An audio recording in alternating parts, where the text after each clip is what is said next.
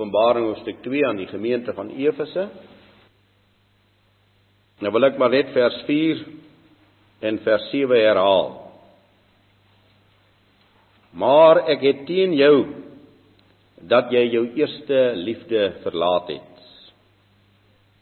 Wie in oor het, laat hom hoor wat die Gees aan die gemeentes sê. Aan hom wat oorwin sal ek gee om te eet van die boom van die lewe wat binne in die paradys van God is. Ons skryf bo aan dood en lewe net soos in die vorige tema. En ek wil net een stukkie herhaal, dit kom weer in die gemeente van Pergamus voor, maar ek dink as dit vanaand antwoord dan is dit mos klaar geantwoord. En dit is daardie uh vers 6 wat ons nie vanmôre gedoen het nie omdat die tyd opgeraak het. Maar dit het jy dat jy die werke van die Nikolaïte haat wat ek ook haat. Hier is nou nog 'n lof wat Yeshua aan hierdie gemeente bring, uitspreek teenoor hierdie gemeente dat jy die werke van die Nikolaïte haat wat ek ook haat. Nou daar is sekerlik verskillende verklaringe, die algemene verklaring wat hulle gee, wat was die leer van die Nikolaïte is naamlik dat Dit is uh mense wat oor ander geheers het. Hulle sê dit praat dan ook van leuke wat oor geheers is. Ek dink dit is so 'n beginsel van die dwaling. Want ek dink nou nie dit is so 'n groot haatlike ding om oor iemand anders te heers of te regeer nie. Veral as hulle dan jou onderdanig is nie. Ek wil verder gaan En ek wil vir u sê dat as ons Handelinge 6 lees, dan lees ons van een van die die jagens met die naam van Nikolaus. Moontlik kom dit hier vandaan, moontlik nie. Maar ons sal daar sien hy was 'n proseliet. Nou wat is 'n proseliet?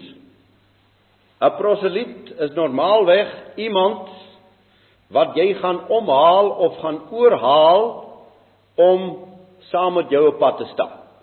Dit wil sê ek gaan nou eers 'n gewone voorbeeld gebruik. Ek is byvoorbeeld 'n NG Kerk lidmaat. En hier is iemand anders wat van die AGS Kerk is.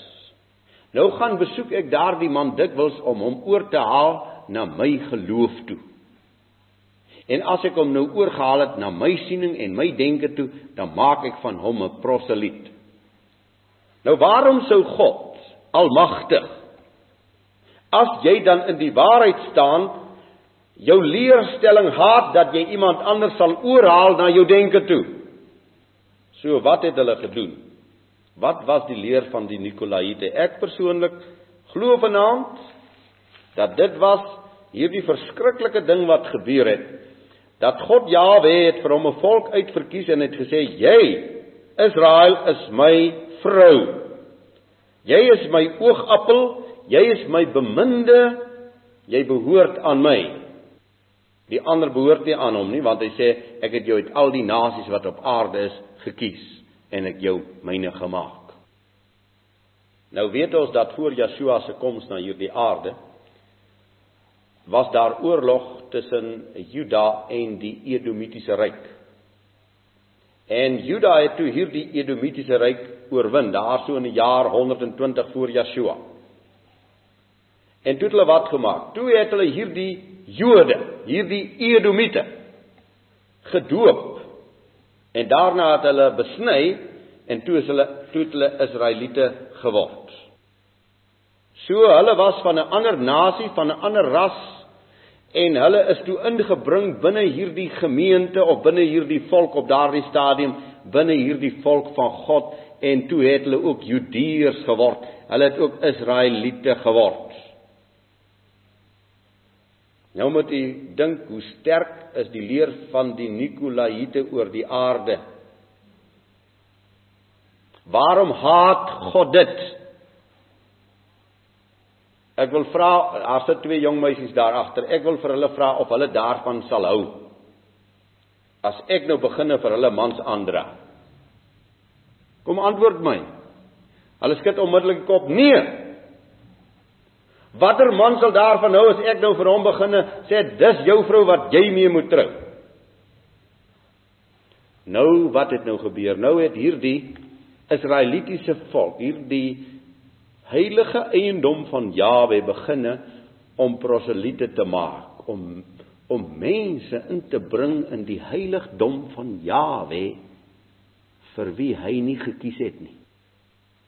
Net om vir u te wys hoe helder dit staan, gaan ons net gou daar na Malagi hoofstuk 2 toe. Is vir u bekend, maar ek moet dit maar weer herhaal. Dan lees dit wat staan daar in Malagi hoofstuk 2. Hier is presies die ding wat ek nou uitgespel het. Ons lees in daar so van af vers 11. Juda het troueloos gehandel.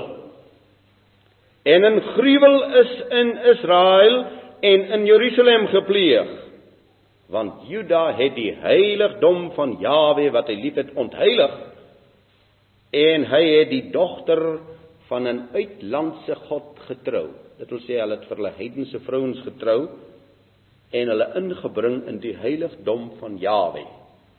Hulle dis van hulle gaan proseliete maak. Hulle het hulle ingebring in hierdie geloof wat 'n heilige afsonderlike geloof was waar God hom net verbind het aan hierdie vrou.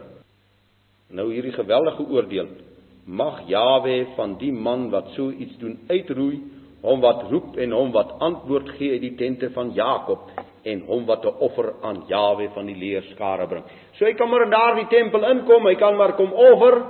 Hy kan nou maar sy proseliet saam hom bring. God sê ek sal hom uitroei of uh Malagi roep uit mag God hom uitroei.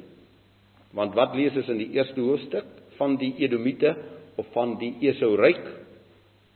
Maar Esau vers 3 van hoofstuk 1, maar Esau het ek gehaat en sy gebergte 'n wildernis gemaak en sy erfdeel aan die jakkalse van die woestyn pryse gee. So dis duidelik. Vir my is daar geen ander duidelike verklaring waarom is dit 'n leer wat God sê ek haat dit. En hy sê vir hierdie gemeente, ek is bly dat julle dit ook haat. En u en ek sit vanaand in afsondering in heiligheid weer een kant omdat ons hierdie leer haat, hierdie leer van jy bring in wat nie aan Jawe behoort nie.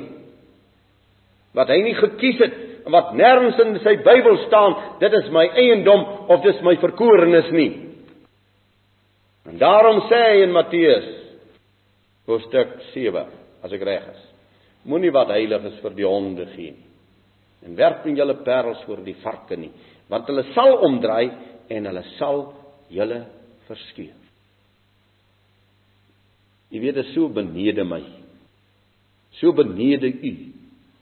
So benede my Vader se heiligheid, maar ek moet dit net noem.